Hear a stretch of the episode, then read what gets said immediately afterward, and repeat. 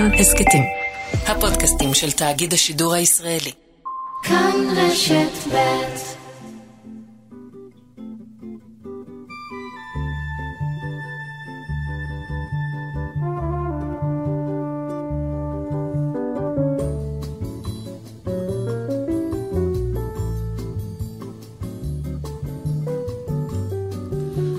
שלום רב לכם, ברוכים הבאים, ברוכים המצטרפים, ברוכים השבים, ברוכים הנמצאים לתוכניתנו. עורכת משנה ומפיקה מאיה טלמון עזרזר, על הביצוע הטכני אמיר שמואלי, אני אורן נהרי. לפני שניכנס לעצם העניין, נזכיר שוב שמהשבת הבאה התוכנית חוזרת לשעתה המקורית, כל יום שבת ב-8 עד 10 בבוקר. השעה השנייה, שנה בשעה, תשודר בשידור חוזר מדי ראשון בחצות. אז אנחנו שנה בשעה, השנה היא 1932, אנחנו מתחילים בארץ ישראל, אז בואו ניכנס לזה עם השיר הכה-פטריוטי של התקופה, "הך פטיש עלה וצנח". עלה וצנח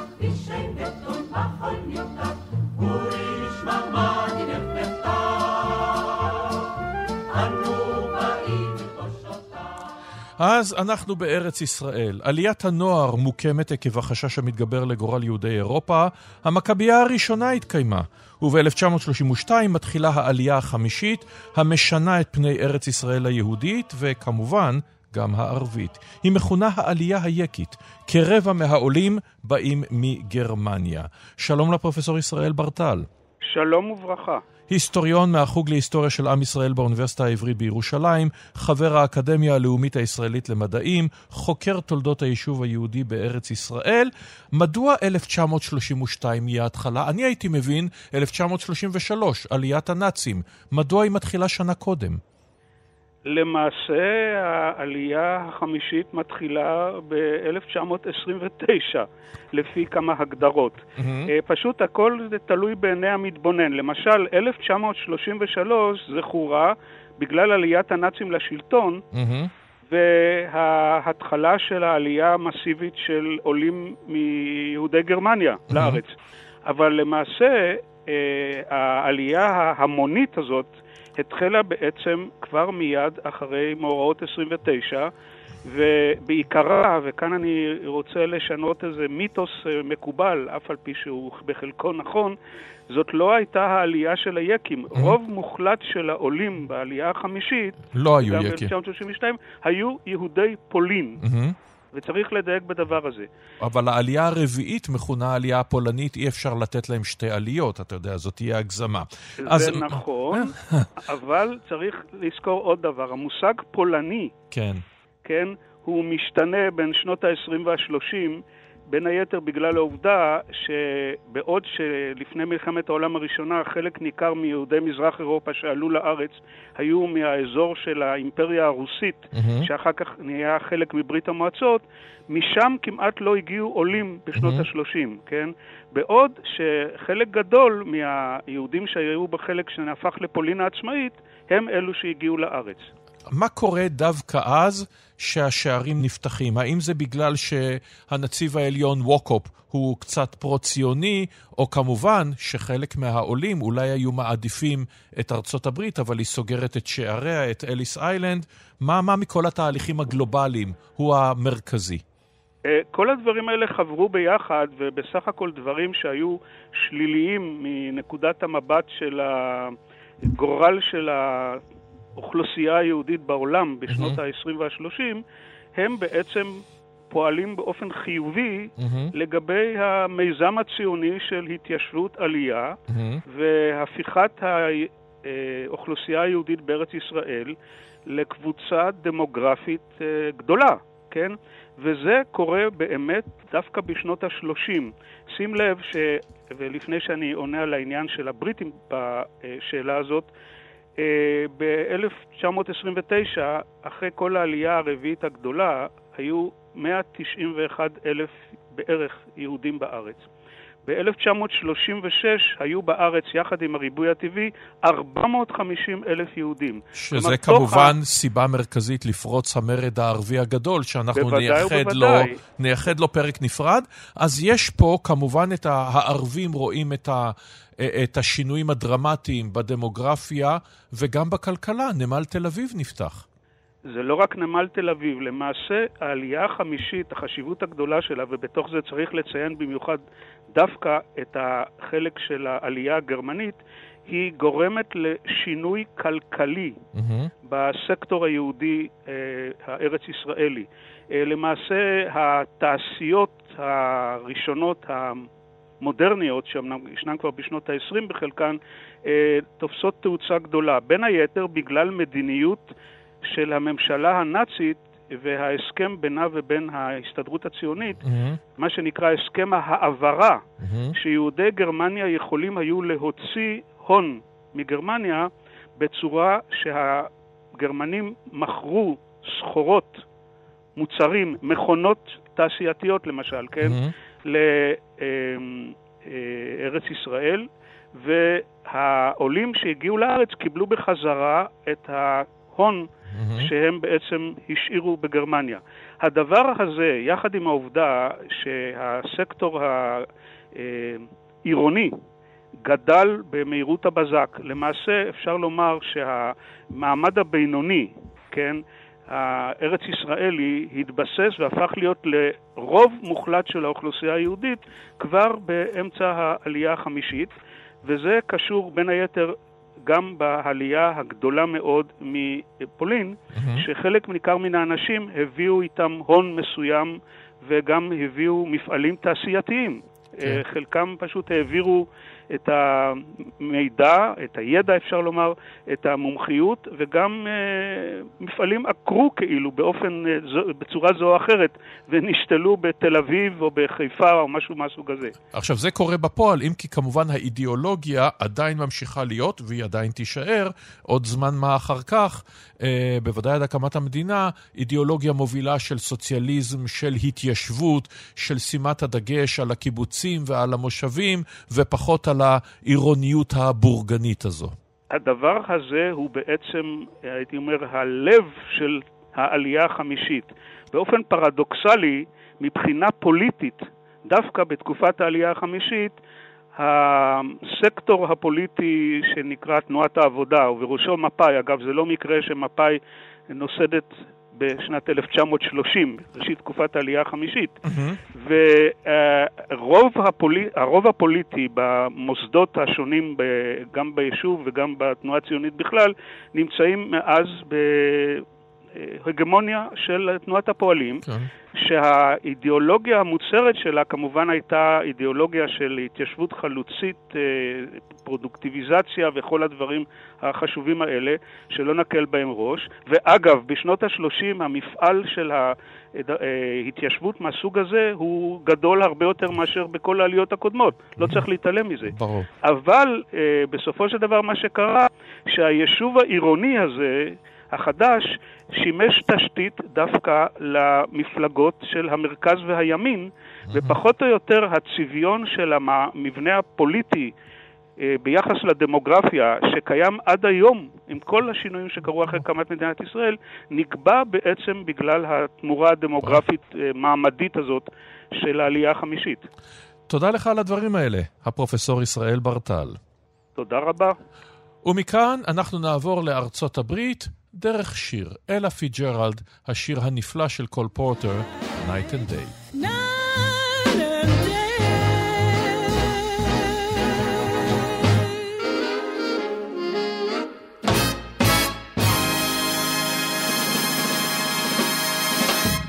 בנובמבר 1932 נבחר פרנקלין דלנו רוזוולט לנשיאות ארצות הברית, הנשיא השני מהמפלגה הדמוקרטית במאה ה-20 אחרי וודרו ווילסון. הוא נבחר כמובן עקב הצל המתארך של המשבר הכלכלי המעמיק. שלום לדוקטור אלי קוק. שלום. ראש התוכנית ללימודי ארצות הברית באוניברסיטת חיפה. ראשית, האיש עצמו הוא בא מהממסד הווספי בהתגלמותו, קרוב משפחה של כמובן של טדי רוזוולט, הנשיא הדגול השני שהוציאה המשפחה הזאת, והנה הוא מגיע למפלגה הדמוקרטית, שזה לא מובן מאליו. לא, וכמובן אה, קראו לו בוגד מעמדי, a traitor to his class, mm-hmm. בגלל הרעיונות הכלכליים, אבל אין ספק שרוזוולט, אה, השם משפחה הולנדי, באמת אה, אחד המתיישבים הראשונים הלבנים להגיע לניו יורק עוד במאה ה-17, ובאמת כמעט, אם יש אצולה בארצות הברית, אז משפחת רוזוולט זה אצולה. וצריך לומר, זה אחת מיחידות הטריוויה הידועות, מה היה שמה של אשתו, אלינור, לפני שנישאה אליו, והשם כמובן רוזוולט, כי גם היא קרובת משפחה רחוקה שלו, וצריך לומר, אישה מאוד חשובה בזכות עצמה, ליברלית הרבה יותר מבעלה. עכשיו בואו נתחיל לדבר על מה האיש עושה. אז מעבר אה, אה, לשידורי הרדיו המפורסמים, מעבר לציטוט הכה ידוע, אין לנו ממה לפחד לבד מהפחד עצמו, הוא. מתחיל בעצם את העניין שנקרא עד עצם היום הזה מאה הימים. הוא מסתער בבליץ חקיקתי ופוליטי מדהים על ארצות הברית. מה הוא עושה בעצם? אז קודם כל הוא עושה. אה, צריך להגיד שהרברט הובר, מי שהפסיד לרוזוולט, הגישה שלו, כמו הגישה של הרבה אה, ליברלים בתקופה הזאת, היה השוק יתקן את עצמו, laissez-faire, רק נצטרך לחכות, בסוף המחירים יתאמו והכל יהיה בסדר.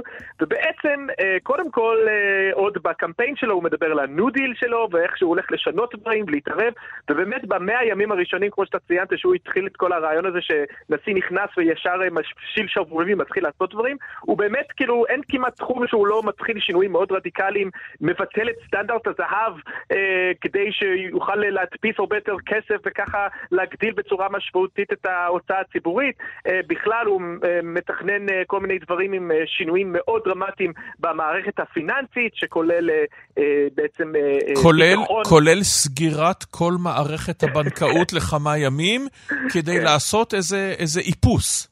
בדיוק, בנק אה, הולידיי, החשש הרי, ולא חשש, זה קרה, היה, כל הזמן היו ריצות על בנקים, ובעצם אפשר להגיד שחלק מהדברים שרוזוולט עושה זה באמת מהלך יותר פסיכולוגי, שאומר בואו ננשום ובואו אה, אה, לא נהיה היסטריים ולא נרוץ ונוציא את כל הכסף, אבל יש גם כמובן שינויים מאוד דרמטיים שהוא בפועל הוא עושה, אה, ובסופו של דבר הוא למשל מבטח את הפקדונות של האנשים בבנקים כדי אה, שהם לא יצטרכו לפחד, ובכלל, כמו שאמרת, אה, הרצון לתת לאמריקאים הרגשה שיש עכשיו מישהו שדואג להם. צריך להגיד שהתפקיד של נשיא של הממשלה הפדרלית בארצות הברית עד רוזוולט לא היה תפקיד שרוב האמריקאים היומיומיים באמת היה להם איזשהו קשר אליו. הפוליטיקה הייתה יותר פנימית, הגישה הייתה שהממשלה לא מתערבת, ולכן הוא גם הנשיא הראשון אולי שיוצר את הקשר הבין-אישי הזה, כמו שאמרת, דרך הרדיו. אה, ואתה יודע, יש את העבודות היזומות, והוא בסופו של דבר שולח אה, מיליוני אמריקאים לשתול עצים בכל רחבי ארצות הברית רק שיהיה להם עבודה, אה, והוא מתחיל השקעות בבנייה וכולי, רק כדי להעסיק אנשים כי ההון יושב בצד ולא משקיע את הכסף הזה. אה, ובאמת, אה, שורה של דברים שנגמר בסוף בביטוח לאומי, ו- ו- ובכלל, אם יש מדינת רווחה בארצות הברית, ואני לא בטוח שיש, אבל אם יש, אז זה דברים שבאותם מאה ימים... אה, בדיוק, רוזוולט יצר את התשתית. אגב, לימים נשיא דמוקרטי אחר, לינדון ג'ונסון יעשה מאה ימים די דומים וימשיך את, ה, את הליברליזם ואת uh, מדינת הרווחה, ש... Uh, כן, לא יודע אם הייתה קיימת, אבל כבר לא קיימת עד היום, זה בטוח. אבל רגע, יש עוד כן. דבר אחד חשוב ששוכחים. רוזוולט היה גם פוליטיקאי יוצא מן הכלל. הוא עושה את זה תוך כדי שיתוף פעולה, הוא מגייס את הרפובליקנים, את אויביו, גם האידיאולוגים וגם האחרים. איך הוא מצליח לעשות את זה? האם הם פשוט הבינו שהמדיניות שלהם אה, אה, כשלה ואין להם ברירה אחרת? וצריך לומר, כל... בגלל הכישלון שלהם הוא גם מקבל רוב בשני בדיוק. בתי הקונגרס, שזה הקריטי. קודם כל היה לו רוב בשני בתי הקונגרס, אז, אז אתה צודק שהוא שיתף איתם פעולה, אבל בסופו של דבר, ואנחנו רואים, כאשר רוזוולט לא מקבל את מה שהוא רוצה מבית משפט העליון, אז הוא גם יודע להיות מאוד אגרסיבי ולאיים עליהם, אה, אבל בסופו של דבר אה, הוא... בעצם יצר אה, קואליציה פוליטית חדשה לחלוטין, אה, שמתמקדת בעיקר על סוגיות כלכליות. כלומר, עד אז הפוליטיקה האמריקאית היה סביב קתולים נגד פרוטסטנטים, או לפעמים זה היה כמובן אה, סביב הנושא של העבדות במלחמת אה, העולם, במלחמת האזרחים. ובעצם אה, הוא מצליח ליצור קואליציה שיש בה גם לבנים גזענים מאוד מהדרום, וגם שחורים. שצריך לזכור, הם דמוקרטים. כלומר, המפלגה כן, הדמוקרטית באותו הם. זמן, אה, עד שנות ה-60, אפילו ה-70, היא תהיה שילוב מאוד משונה כן. של אנגלוס פרוגרסיביים ושחורים ויהודים פרוגרסיביים, והאנשים הכי גזענים של הדרום. והוא מגייס אותם. כן, וצריך להגיד שאם אפשר, אפשר לבקר את ה New Deal על זה שהרבה פעמים זה לא תרם לשחורים כמו שזה תרם ללבנים, אבל היה, כמו שאמרת, הוא היה פוליטיקאי טוב, והוא ידע שהוא חייב אה, אה, לעשות New Deal שהדרום יחתום עליו, ולכן, למשל בביטוח לאומי, אז הוא דאג להכניס כל מיני דברים שהשחורים בדרום לא יקבלו את הביטוח הלאומי, וכל מיני דברים כאלה.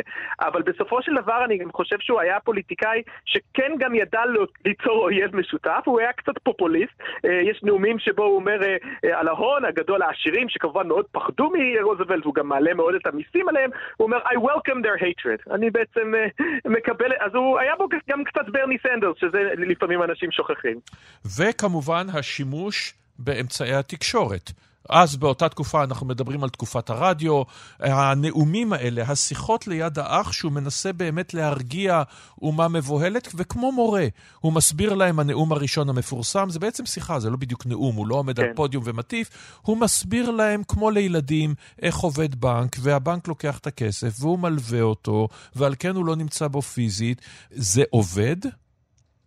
זה עובד, חבל על הזמן. ויש לו גם מזל, אמרתי, הוא לא עומד על פודיום, כמובן, מי שלא יודע, רוזוולט הוא כבר נכה בשלב הזה, בקושי יכול ללכת, ולכן יש לו נגיע לנקודה הזאת, שאף אה, אוקיי. אמריקני לא יודע את זה בפועל. בדיוק. זה מדהים. באתי להגיד שיש לו מזל שהמדיה החדשה זה רדיו ולא טלוויזיה, אבל אתה צודק לגמרי, בסופו של דבר, החיבור שרוזוולט מצליח ליצור עם הציבור האמריקאי, הוא קודם כל חיבור כמעט אבאי, רגשי, היה לו קול מאוד מרגיע, הוא, הוא היה מרגיע לאומי, זה באמת אולי הדבר שהוא היה הכי טוב פה, ו- והוא באמת השתמש ברדיו, הוא קרא, קרא לזה ה-fireside chat, שיחות ליד האח, ו- ופשוט היה מסביר להם, הנה זה, זה מה שעשינו השבוע, וככה זה הולך לעזור לכם, וכך, ו- ואין ספק שזה אה, שינוי אה, דרמטי מאוד מה, בכלל איך הפוליטיקה אה, התנהלה לפני כן. וצריך לומר, שזה היה שינוי דרמטי וזה היה חשוב, ונעשו דברים, ורשות עמק טנסי, והוא נלחם בבית המשפט העליון, הכל מצוין, אבל המשבר נשאר. בסופו של דבר, המשבר הייתה הטבה מסוימת, לא שהכל נפתר, mm-hmm. ואז ב-36-7 זה חוזר, ובעצם אה, זה יישאר לאורך כל שנות ה-30. בעצם לאורך שתי תקופות כהונתו, וגם אחר כך. אז אם המשבר נשאר, איך בעצם הוא נבחר שוב ושוב. כן, ארבע פעמים הוא נבחר כמובן. תשמע, אה, בסופו של דבר, כשהוא מתחיל את הניו דיל, אין ספק שיש שיפור משמעותי ב-34-35 עם ההשקעות הציבוריות וההכנסה של אה, חיזוק איגודי עובדים שלא הזכרנו ועוד דברים אחרים. אבל אז הוא קצת באמת מוריד את הרגל מהגז, הוא חושב שזהו, הוא יכול לסמן וי, ואז אתה צודק ששוב זה חוזר בגדול ב-36-37, ובעצם רק הכניסה של ארה"ב למלחמת העולם השנייה באמת מסיימת את השפל הכלכלי הגדול.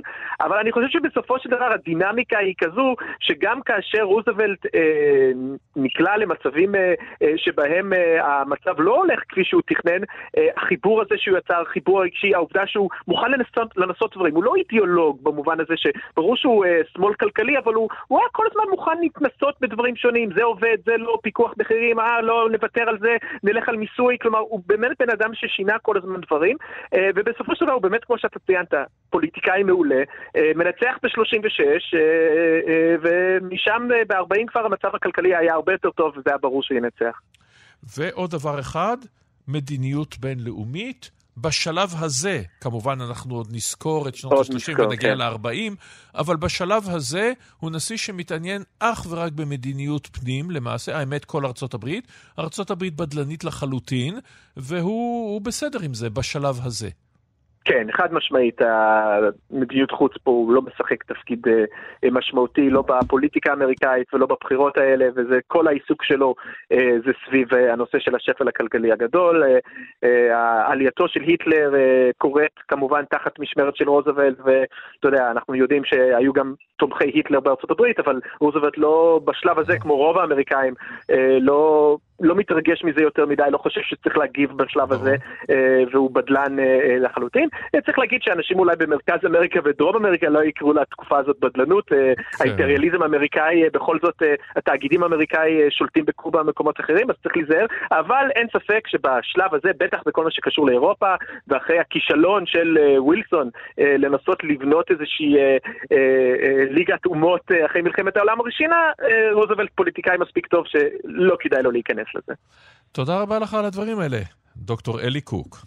בבקשה.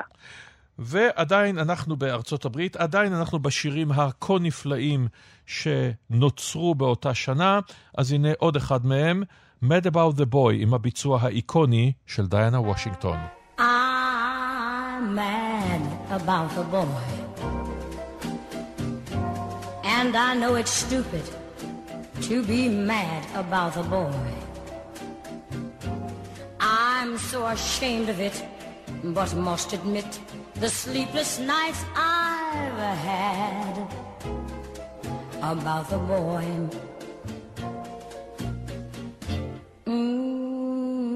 ואגב, שירי התקופה הזאת, כמו זה הנהדר, הם חלק ממה שנקרא ספר השירים האמריקני הגדול. אז אנחנו עדיין בארצות הברית, 1932, שלום לנביד בראל. שלום אורן.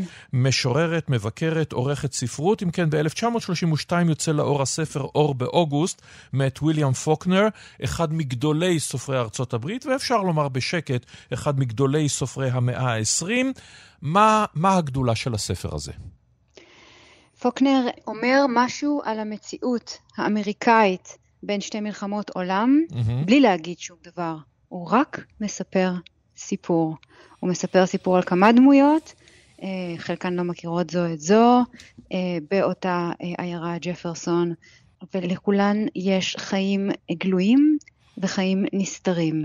כולן צריכות לחיות אה, בתוך אפלה. Mm-hmm. אה, המציאות האמיתית של החיים שלהם, אם זה הריון אה, אה, לא, שלא אה, ממוסד, או אה, עבודה לא חוקית, או אה, ספק רצח, כל המצב הלימינלי הזה, הסיפי הזה, בין מותר לאסור, בין נכון ללא נכון, משוקע בכל אה, אחת מן הדמויות אה, שהוא, אה, שהוא מראה, והוא בורא עולם.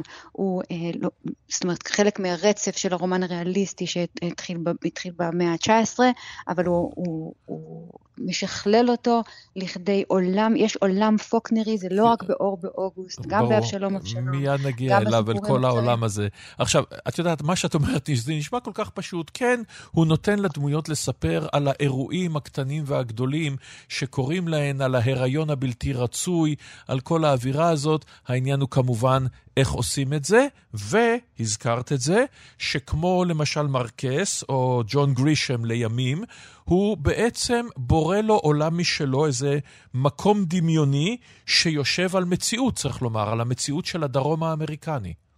או oh, כן, הוא, um, פוקנר הוא חלק מה שנקרא הרנסאנס הדרומי. Mm-hmm.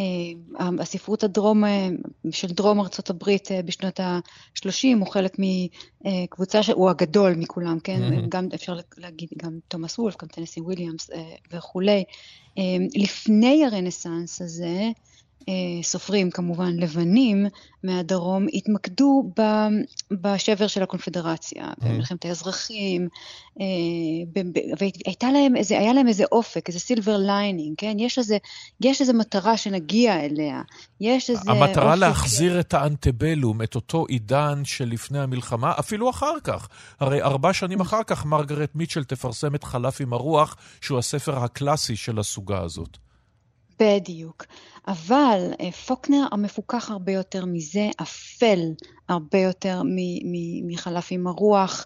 אין, אה, אין, כאן, אה, אין כאן תשובות כיצד אדם יכול להתקיים מבלי, שהזהות שלו היא ככה אה, נכונה אה, ובנויה לתלפיות, מבלי לאבד את זה, מבלי להתערער מזה.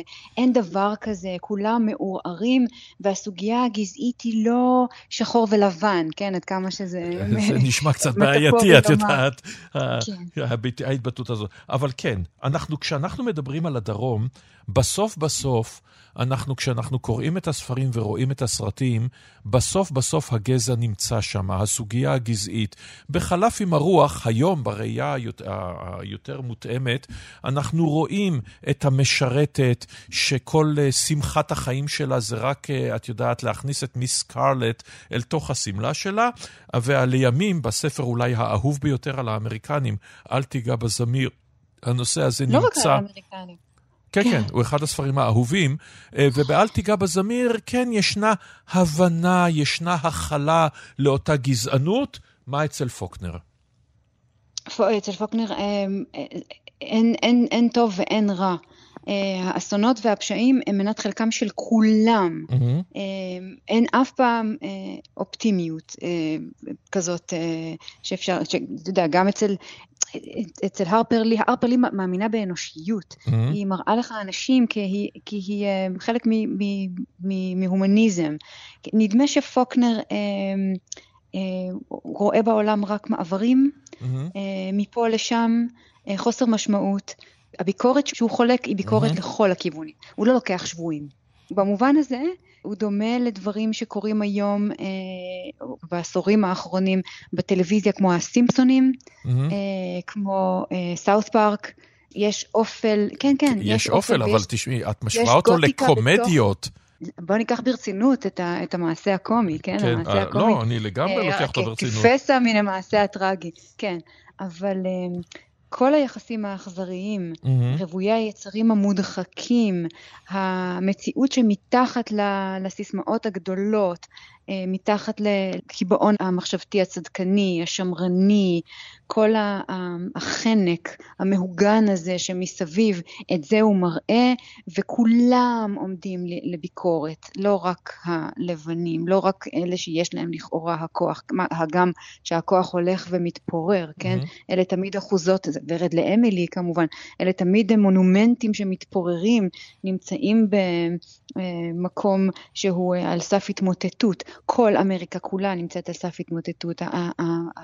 האחדות היא אשליה. כמה כן. הוא צדק, אנחנו רואים כרגע. וכמובן הוא כתב כמה רומנים נפלאים, וגם דברים אחרים, על אותו דרום, את אור באוגוסט, ואבשלום אבשלום, את בשוכבי גוועת. מה האהוב עלייך מכולם? כמובן The Sound and the Fury. אה, הקול והזעם. אה, בזכות אה, הכתיבה המופתית של אה, דברים שנעשים מנקודת מבטו של ילד שהתודעה שלו לא לגמרי בריאה.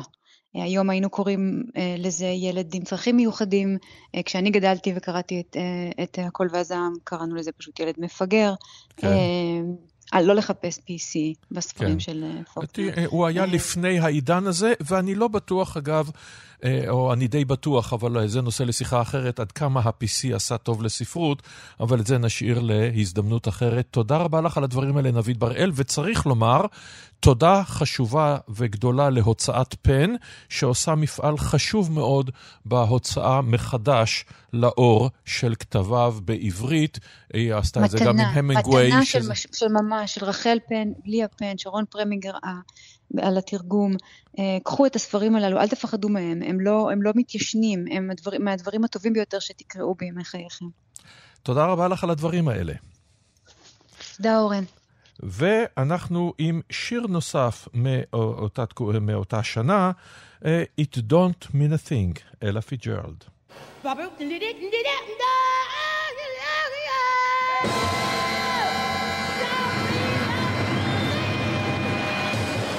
אלה פיצג'רלד ודיוק אלינגטון, אין דברים כאלה. ועוד דברים שאירעו ב-1932, אנטוניו סלזר מכונן דיקטטורה בפורטוגל והוא ישלוט במדינה הזאת עד 1968. ביולי נערכות בחירות בגרמניה, הנאצים זוכים ב-37% מהקולות, הופכים למפלגה הגדולה ביותר, אבל בבחירות נובמבר הם מאבדים 4%, הם מאבדים 2 מיליון קולות, יורדים ל-33% ויש אנחת רווחה כללית. הנה הנאצים מתאדים ומושלכים לפח האשפה של ההיסטוריה. בוליביה ופרגוואי יצאו למלחמה על אגן הצ'אקו, פרגוואי ניצחה. אוגוסט פיקאר השוויצרי המריא בכדור פורח אל הסטרטוספירה. ג'יימס צ'דוויק הבריטי גילה את הנויטרון, ועמיתו האמריקני קארל אנדרסן את הפוזיטרון. דיימון רניון האמריקני חיבר את קובץ הסיפורים הקצרים הנפלא ברנשים וחתיכות, ואלדו סקסלי את הדיסטופיה עולם חדש נועז. וב-1932 באה לעולם המצאה של נגר דני, אולה קירק קריסטיאנסן, שיפתור לנצח הורים, ואני מדבר מניסיון, בשאלה מה להביא מחוץ לארץ לילדים שאנחנו כה אוהבים אותם. הלגו. שלום לאורלי אקרון. שלום, שלום. מנהלת מוזיאון לגו, הקובייה הקסומה, בפרדס חנה כרכור. ראשית, ספרי לנו על המוזיאון. הקובייה הקסומה זה בעצם אה, צורך שנולד מזה שאני התחלתי לאסוף לגו, אה, והתחלתי לבנות, וכל הבית שלי היה מלא בסטים בנויים של לגו, מה שלא אפשר, לא אפשר לילדים שלי אה, לרוץ, לשחק בבית, ללכת ובכלל כמעט אה, לנשום. אה, ולכן החלטנו לעשות אה, עם זה משהו ולהציג את האוסף אה, בצורה ככה יותר מכובדת, והקמנו מקום שמוקדש כולו לאוסף הפרטי שלי, שהוא בעצם מוזיאון לגו, mm-hmm. גם של סטים רשמיים של חברת לגו וגם סטים שנבנים מהדמיון. Mm-hmm. והמקום הזה הוא מקום קהילתי, הוא פתוח לקהל, ילדים יכולים לבוא, גם ילדים ומבוגרים כמובן, לראות, לקבל השראה, לשחק, להתנסות בבנייה של דגמים קטנים. ובכלל ליהנות מהדבר המופלא הזה. עכשיו, הלגו, אנחנו מכירים אותו בגרסה המודרנית, כלומר של הקופסאות. אה, שאתה צריך למכור כליה כדי אה, לקנות אותן, וכמובן הן מכילות 5,742 חלקיקים מפלסטיק, באמת יפהפה, אבל זה לא התחיל ככה, זה התחיל כמשהו לא יקר מעץ בכלל. כן, בכלל, ב-1932, אה, שאולה הקים את החברה שלו, הוא היה נגר. Mm-hmm. והוא הקים, הוא עשה בעצם צעצועים קטנים מעץ. Mm-hmm. כל מיני מכוניות קטנות, קוביות משחק. הדבר הכי מוכר מתקופת העץ, או משהו האיקוני שמסמל את לגו בתקופת העץ, זה בעצם ברווז קטן מעץ, שהיו ילדים מושכים אותו, והוא היה כאילו נוסע אחריך. Mm-hmm. זה היה הסמל ההיכר של לגו. בתקופת העץ, ובאמת רק בשנות ה-50 ומעלה התחילו העניין של הפלסטיק, אה, ובהתחלה זה ממש היה נגרייה לכל דבר שיצרה צעצועים. עכשיו, בדיעבד זה רעיון כל כך פשוט, והאמת היא שצריך לומר שאת יודעת, באנושות היה הרי עוד קודם. יש מספיק חלקים כבר במשך אה, עשרות אלפי שנים, את יודעת, של מכניסים בורג לתוך דיבל, או שמכניסים, אני יודע מה, אה, מסמר עץ לתוך, אה, לתוך מקום שלו. החיבור חלקים זה דבר שהיה לנו כל הזמן. איך, איך חיכו כל כך הרבה זמן עם זה? איך בא לו דווקא הרעיון הכה גדול הזה? אז, אז הרעיון אה, לא בא לו, אלא בא לבן שלו, שהמשיך אותו במפעל, ובעצם ב-1959 הוא המציא את הקובייה הקונבנציונלית של היום, אותה קובייה, כשהופכים אותה, רואים צינורות כאלה בתוך הקובייה, שמאפשרים לשתי חלקים באמת להתחבר ולא להתפרק. Mm-hmm. ב-61 הם קיבלו על זה פטנט, אה, ובעצם אני חושבת שהייחוד של לגו, שזה אה, מתאים לכולם, זאת אומרת, גם כאלה שאוהבים לעבוד, אה, אתה יודע, לפי הוראות וממש ממש ככה מסודר, וגם אנשים שאוהבים את הדמיון החופשי ואת הפרי סטייל. אה, ולכן לגו תופס את כולנו, גם אם זה ילד קטן שרק אה, מתלהב שהוא בונה את הבית הראשון שלו, וגם אה, אה, אנשים מבוגרים שבונים דגמים מדויקים של מכוניות, מטוסים או מבנים. אה, ולכן אה, אני חושבת שהלגו הוא פשוט אה, אה, שפה, שפה שלמה שמדברת אה, לכולם. עכשיו, נשים בצד את זה שאת מכורה ללגו. האם גם בימי המחשב, בימים שבהם אתה יכול בשתי שניות להוריד איזה תוכנה ואז להתחיל להתאים דברים, אנחנו מכירים את כל המשחקים האלה של להתאים דברים אחד לשני, עדיין יש לזה את אותו קסם של פעם? אין מה להשוות, המגע הפיזי. אני יכולה להגיד לך שבאים לכאן ילדים, יש לנו גם מקום שבהם אפשר לשחק ולהיות, אה, אה, ליהנות פשוט מהמקום, אה, אה, אחרי איזה שעה, שעתיים, מורה אומר, וואי, הוא לא היה בפלאפון כבר, כבר שעה. ואני אומרת לו, כן, יש לו אלטרנטיבה, והוא בונה, והוא נהנה, והוא מייצר, ויש לו אה, סיפורי הצלחה קטנים, שהוא מספיק שהוא הצליח לחבר את שתי החלקים, או לפרק משהו, או לבנות משהו שהוא דמיין. אז אה, אין לזה תחליף, אה, גם לא הפלאפון והמסך. לגו ניסו, ניסו להיכנס לתחום הזה, ויצרו כמה סדרות משולבות, mm-hmm. גם אה, לגו וגם אה, מסך. אה, לא כולם הצליחו. אה, הדבר היחיד שהיום הוא די מצליח זה באמת הסטים הטכניים שנשלטים על ידי אפליקציה mm-hmm. בטלפון, ואז אתה בעצם משתמש בטלפון כשלט לדגם שלך, אה, אבל אין תחליף, אין תחליף לקובייה, להחזיק אותה, אה, לחבר, אה, לרעש, אתה ממיין את החלקים, זה משהו שאני לא רואה לו תחליף.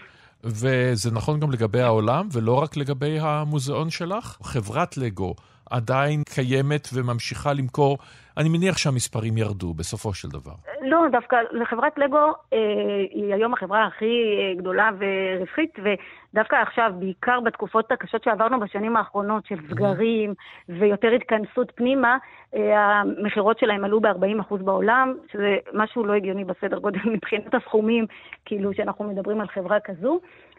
אבל לא, אני, אני דווקא רואה... הגיוני לגמרי, עוד לא נולדה הקטסטרופה שמישהו לא ירוויח ממנה. אני דווקא רואה את הלגו דווקא מתעצם, והיום גם תופס קהלים. אם לפני כמה שנים היינו אומרים לגו ומדברים על ילדים, היום לגו זה יותר ויותר מבוגרים, אה, כמוני וכמו הרבים אה, מהקהילה שלנו, מבוגרים שאוהבים לגו ובונים, ויש סדרות שלמות שמותאמים למבוגרים. אה, וזה מהמם, השילוב הזה. ויש כמובן באינטרנט, אני מניח, כמו שיש קהילה לכל דבר אחר בעולם, החל מלמרבה הצער ג'יהאדיסטים וכלה באני יודע מה, אה, חובבי בוגונביליות. יש גם קהילות של אנשי לגו אדוקים בדתם, שמחליפים מתכונים ומספרים ומעלים תמונות, בלי שום ספק.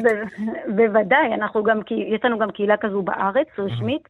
שמוכרת על ידי לגו העולמית, ואנחנו לא רק uh, במסכים, אלא אנחנו גם נפגשים פעם בחודש למפגש uh, uh, של החלפת רעיונות, דעות וכל מיני דברים כאלה, ואנחנו עושים פעילויות התנדבותיות, uh, תערוכות uh, חינמיות לקהל, uh, בעצם להציג את האוספים שלנו, uh, התנדבות uh, במקומות כמו עם ילדים בסיכון, ואנחנו קהילה חיה ותוספת. ועלית לרגל ללגו בדנמרק? עלית לרגל לקברו כן, של אולה? חגגתי, חגגתי שם יום הולדת 40, אבל לצערי כשאני חגגתי יום הולדת 40 זה היה אה, לפני שסיימו לבנות את לגו אאוס. לגו אאוס זה מוזיאון לגו שמספר את כל ההיסטוריה של לגו, אה, משהו מדהים הבנתי, ראיתי תמונות ששלחו לי, וזה היעד הבא לחופשה, ברגע שקצת, אתה יודע... נכון, אז ברגע, ברגע שיהיה לנו קצת יותר מצב רוח, כן, ודברים קצת ישתפרו, אז הנה אתר התיירות הבא שלך. תודה רבה על הדברים האלה, אורלי אקרון, מנהלת הקובייה הקסומה, מוזיאון הלגו בפרדס חנה כרכור.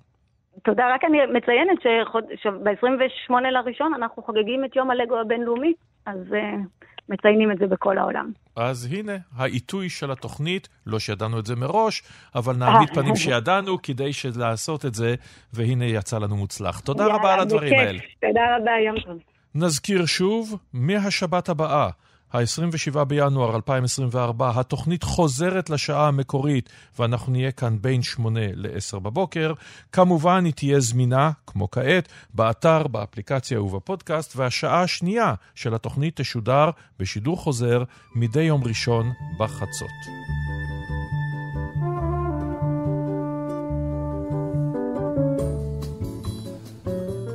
ועד כאן תוכניתנו. תודה רבה, מאיה טלמון זרזר. תודה רבה, אמיר שמואלי. תודה לכם, המאזינות והמאזינים שהייתם עמנו. כאן אורן נהרי, להתראות בשבת הבאה. זוכרים באיזו שעה? שמונה.